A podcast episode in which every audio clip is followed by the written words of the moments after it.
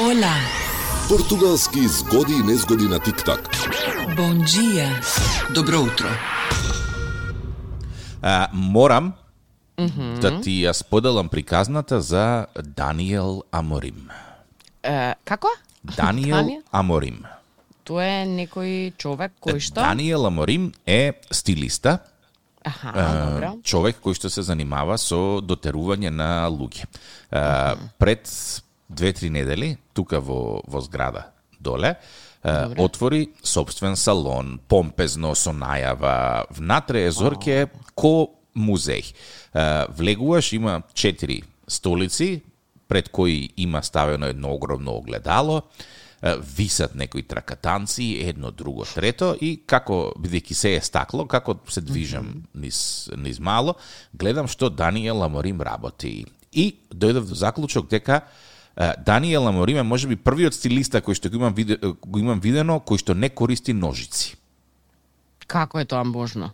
Значи, ти одиш кај Даниел да се стилизираш, не да се шишаш. Те молам, немој да го вреѓаш човекот. Ау, добро. Значи, одиш таму, еден третман, мислам дека е од 40 евра па нагоре, и е, има разни метани кои што ти ги прави на косата. Ти ја фаќа со раце, ти ја витка, па ти прска некои спрејови, па ги брца прстите во некои гелови, па ти ја чепка косата, па ти прави плетенки. Значи нешто како на времето јас и брат ми кога си игравме, баба ми кога ќе заспиеше.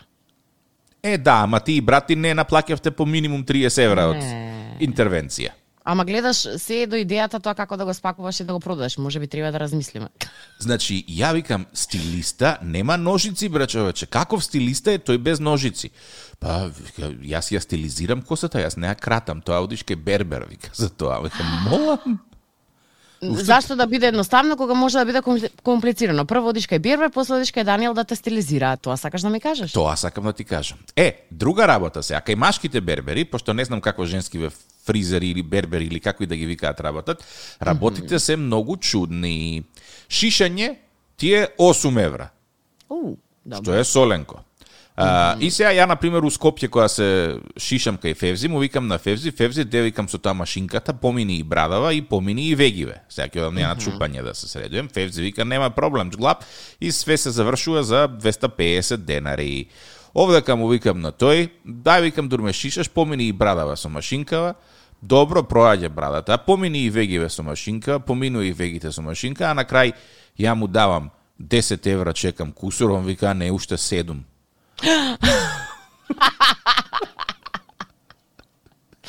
Како приказната со, Ја со водичка. Ја вика молам и он ми вика корто е барба, е уште нешто друго и вика тотал 17 и ја викам Оу. И е, така е, решив ти е, дека ќе се бричам дома, нема веќе она подвалујање на бербер. Е, Викам, затоа Февзи у 30 квадрати работи, а овој сигурно работи во 150 квадрати, меѓутоа. Ма не, цените се тие. Ама види се викам на Фебзи да му текне да наплати тоа поминува, значи буквално ја зема машинката и ја ги поминува вегите, джграб левата, джграб десната, тоа ти е 3 евра. И брадата што ќе ти ја помине ти е уште е, 6 или 7 или 8 или така нешто и плюс ако сакаш нешто фенси да кажеме скалеста фризура каква и год да е таа скалеста, е таа ти е поскапа плюс 3 евра. И викам, вау, човече, како бербериве ги дефинирале е, цениве, како да те изљуштат и да те Е, она што, малтене. она што останува е кога ќе ти дојдам на гости здравје Боже, да ме однесеш на Ќе ми дојдеш на шминка на, на фризира, на, на да, јадена. немој да не, немој да си дошла не шишана случајно. Чисто сакам да ти кажам, е, замислувам еве да речеме, да речеш Зорке, што сакаш да те почестам и ја викам па да одам да се шишам во Португалија и можам да замислам колку ќе те чини тоа задоволство, тоест мене колку ќе ме чини тоа задоволство, пошто доаѓам на тебе кај, кај тебе на твоја сметка, ќе те чини тебе. Така што верувам дека многу интересна пресметка ќе добијам на крајот.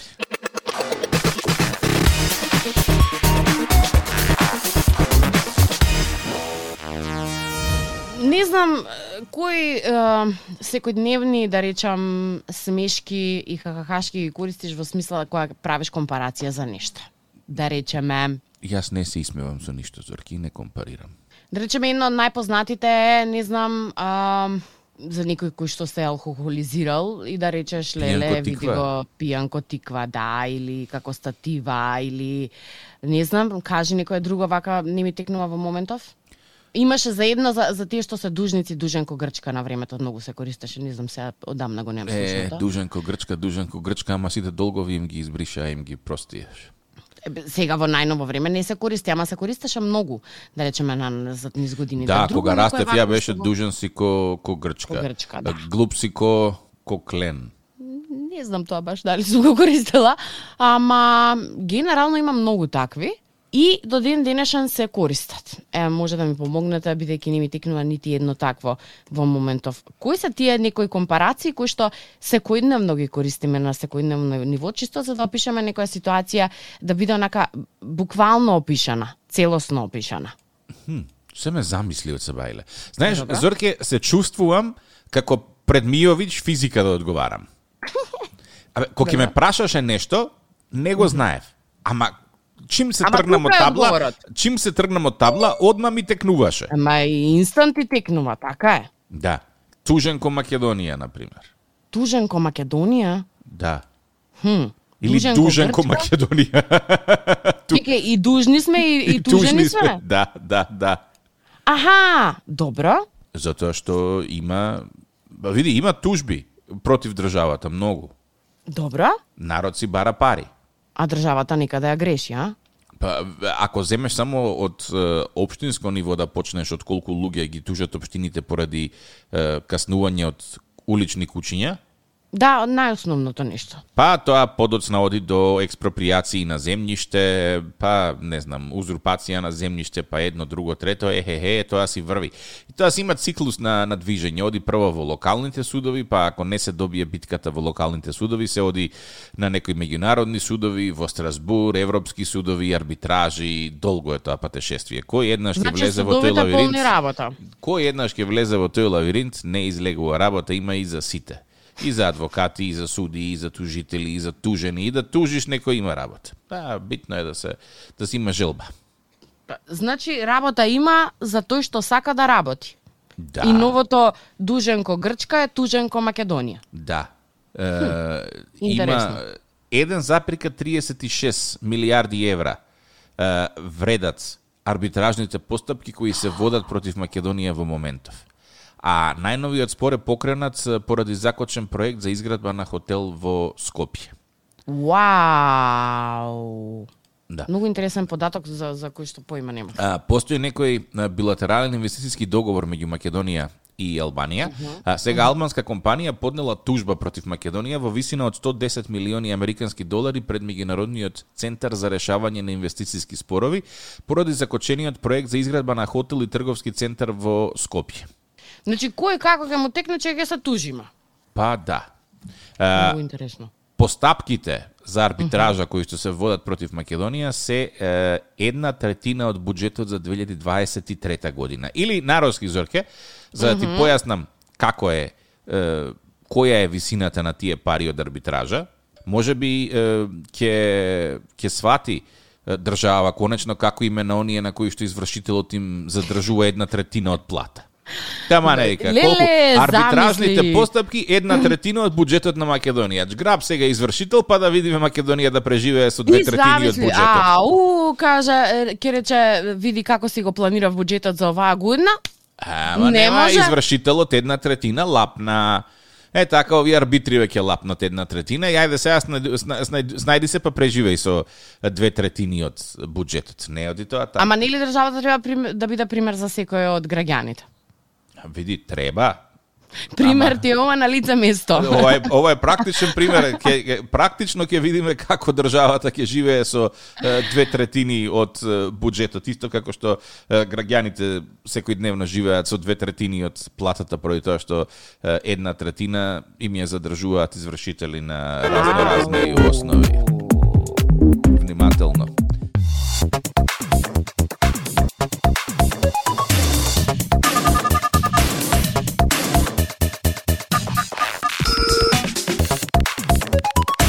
Вртејќи по вестите и топ темите на денот, многу сакам да замижам кога ќе ги видам овие рецептиве како на пример рецепт за совршена гибаница за 20 минути.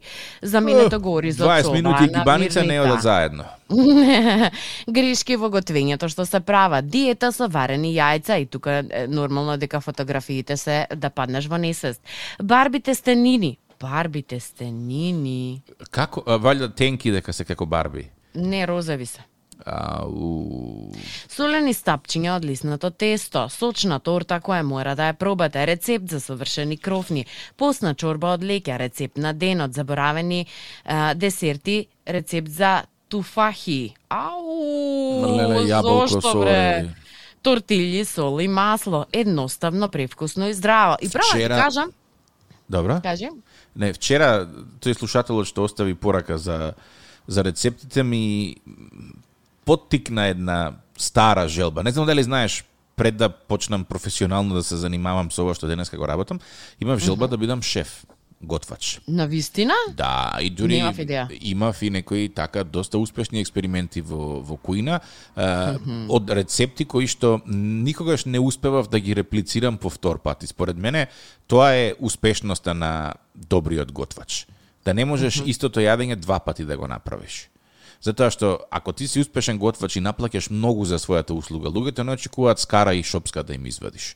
Туку нешто што ќе го пробаат еднаш. И убавината во големината во професионалните шефови е тоа што никогаш не знаеш што ќе ти сервираат. И сигурен да сум дека кажеш- тоа што ќе ти го сервираат еднаш, никогаш повторно нема да успеат да го направат. Барем од моето гледање на оние шоуа за Сакаш готвење. да ми кажеш дека ти си вичен да измислиш за секој ден по една рецепта, истата да ја направиш и таа да биде привкусна? Да, а следниот пат тешко да ја реплицирам истата. Погоди. Затоа што добро, ти еве- си воден си од е, моменталната инспирација, воден си од состојките кои што ги имаш на располагање. Да. На пример, еве, имаш имаш да кажеме што знам, 200 грама граф, 300 грама пилешко, два колбаси, малку марула и патлеџани, направи јадење од тоа да те видам. Да, и, И добро еве, сега генерално вака кога зборуваш, што би предложил да се појадува утренава? А, имам еден многу добар рецепт за тортилја. Тортилја Ау. со пражени јајца, сланина и намаз од авокадо. Потребни состојки. Едно јајце. Половина авокадо. Испасирано. Со вилјушка. Рендан чедар.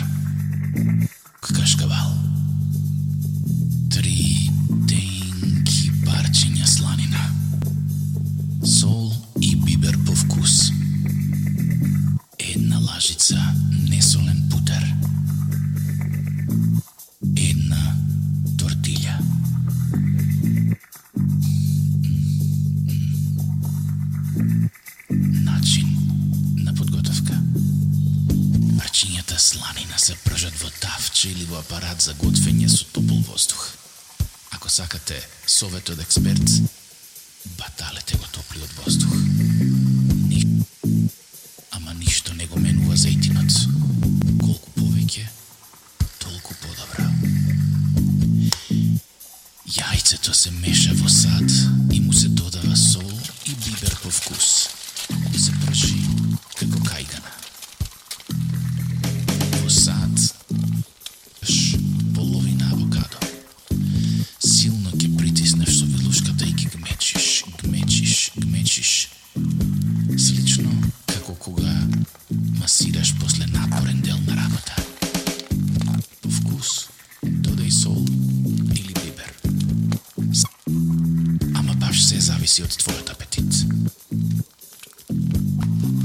Нож се засекува делот помеѓу две четвртини надолу на тортилјата и секоја четвртина се филува со различна состојка.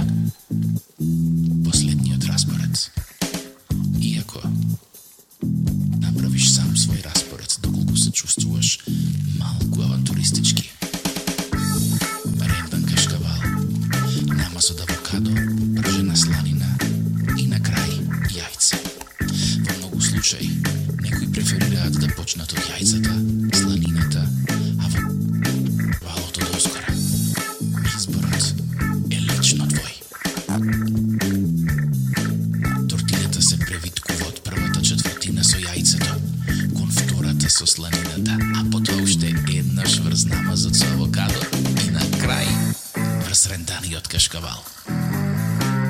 Ако започна со јајцата, одиш од јајцата кон сланината. Се става во тавче со растопен путер и се подпекува од двете страни.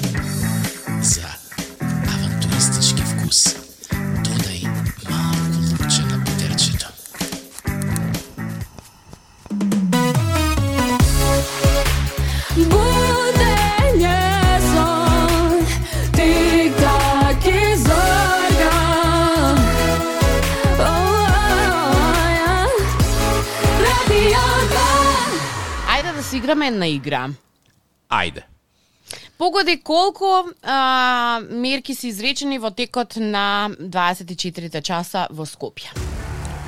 Во Скопје, во текот на 24 часа, драга моја колешке, се изречени 169 мерки за брзо возење, 26 мерки за неносење појас, 9 мерки за зборување на мобилен телефон.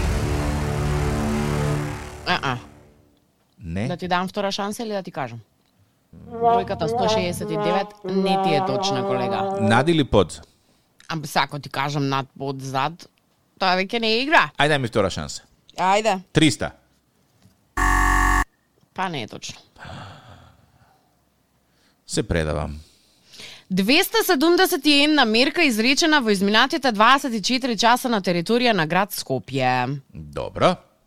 Од кои 69 санкции за возење повеќе од дозволената брзина, Добро. 16 од санкциите те молам еден еден аплау, еден аплауз, ама Вако? 16 од санкциите се за користење мобилен телефон при возење. О. Знаеш зошто се радувам? Дека конечно А, мислам дека ќе проработи свеста за тоа дека не се користи мобилен телефон додека се вози. Заради тоа што имаш три комбинации на луѓе кои што ги гледам секојдневно нели возам. Мене ми е се уште страф еве и после неколку години возење да го е, пипнам телефонот да го штракам додека возам а, во автомобилот. Едноставно премногу фокус зема. И многу се радувам што не научив никогаш да да зборувам и да возам. А, меѓутоа имаш една а, од, од категориите на луѓето, вака е навалена на едното рамо со телефонот, на едната рака е воланот, на другата рака е мењачот. Ама вака, знаеш, не вози право, него вози навалено. Добро. Така е првата е, категорија на луѓе. Да. Да, втората категорија на луѓе го остава мобилниот телефон на нозе, на на како се На колено. на спикерфон, да, на спикерфон и урла и вози. И третата категорија на луѓе го држи мобилниот телефон со едната рака и го држи исто така и воланот со истата таа рака, а другата рака му е на мењачот. Добро. И ги фатиле. Ги фателе 16 од нив се санкционирање за користење мобилен телефон при возење. Мене ме интересира само која е глобата која што треба да ја платат. 13 се за возење без возачка дозвола, А бе, луѓе, побогу, што е?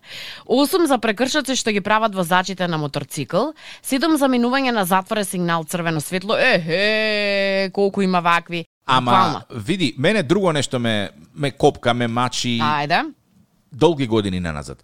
Ајде. Ако си приметила, најчесто оние кои што зборуваат на мобилен телефон возат бесни коли кои што имаат вграден Bluetooth систем на нив.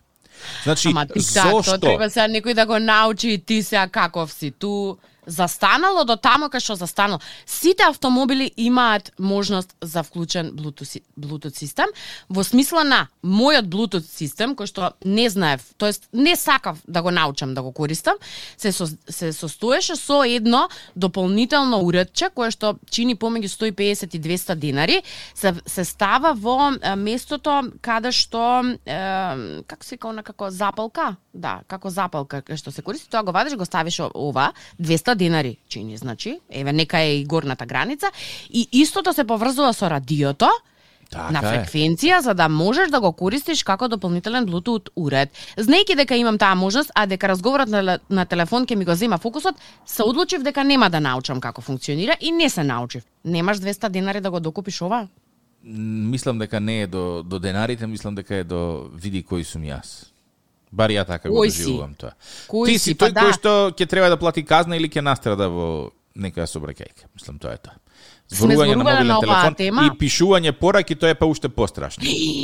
Пишување на пораки, ау, друго нешто.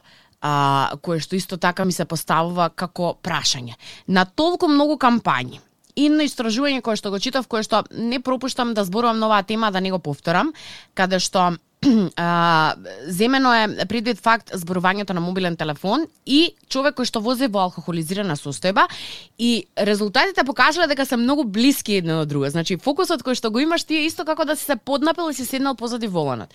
Знаејќи дека тоа е така, кога ќе видам особено родители со детето позади неврзано и не седнато во седиште, како се зборува на мобилен телефон додека си вози, Добро па ја би те застанал, би ти исклучил од собраке никад више да не седнеш а, позади волан. Тоа е следно нешто што треба да биде предмет на некоја дискусија, тоа е користење на седишта за превоз на деца, ама е, во друг момент.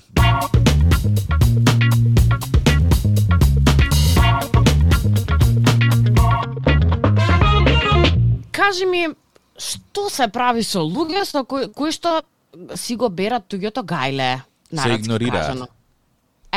Се игнорираат, верувај ми, само игнор за нив и ништо повеќе. ти се случувало во минатото така некој да ти го бере повеќе гајлето ти Да, самиот за да, себе? да, да, да, да, да, да. Имав една соседка, знаеше што се случува во мојот живот подобро од ја што знаев што се случува во мојот живот. А Дури ако викам ќе коментари? е, Ружо, дај кажи ми што, Што се ми се случува. случи да, затоа што немам евиденција не веќе. Аха. Па и А на база на физички изглед така да речеме. А некој не, да игнорирам. гајлето. А, јас сум толку Ваков си, таков си. со годините веќе апсолутно не ме интересира каков сум, битно е да сум во возна состојба. Исто, исто, скроз. Еве стаса една порака на моја сметка. Вели, ау, Зорка многу поправена, многу остарена, откако се врати од одмор, не е добро. Е, јас сега да ви кажам за ваквите зајадливи пораки Не, не, се не се врати знаат, од одмор. не, не, не, не, не, го не, берат ја имам, ја имам, значи тоа види. Одмор е кога си сам човек, или кога си тазе у брак, или кога немаш никој за кој што треба да се грижиш. Одмор со две деца и сопруг ти е поголем замор од работата која што имаш секој ден. Па распрашај се по колеги кои што имаат деца, кои што биле на одмор две недели, ќе ти кажат, леле, едва и чекам да се вратам на работа, ова не се издржува повеќе. Mm -hmm. Така да не можеш да судиш како Зорка изгледа после одмор, кога Зорка се расправала со две деца и со сопруг на тој одмор. Така да дај на Зорка фора едно десетина дена да поработи, за да бликне во целиот незин сјај. Не, друго сакам да прашам. Да речеме истиот овој коментар доаѓа пред 10 години, ја мислам дека болна ќе легнев сега после коментар. Речев, ау, ја стварно остарена, издебелена, поправена. И, Страшно. Сега си викам 10 од друга... години тоа ти е одговорот на прашањето. Друго сакам да. Замисли да имам во животов, да имаш еве, ајде во животов, утринава да имаш толку слободно време да седнеш и да анализираш кој е остарен, а кој е здебелен. Ја многу сакам да го имам тоа слободно време, ама тешко се наоѓа. Ќе си го направиш. Пораката на денот ќе ја кажеме заклучокот на целиот овој муабет на целото ова си жне вонредно што го направивме? Да. Да не си го берете туѓото гајле, туку своето. Може така да биде? Може. Пораката на денот? Никогаш подобро не било кажано. Нели? Да.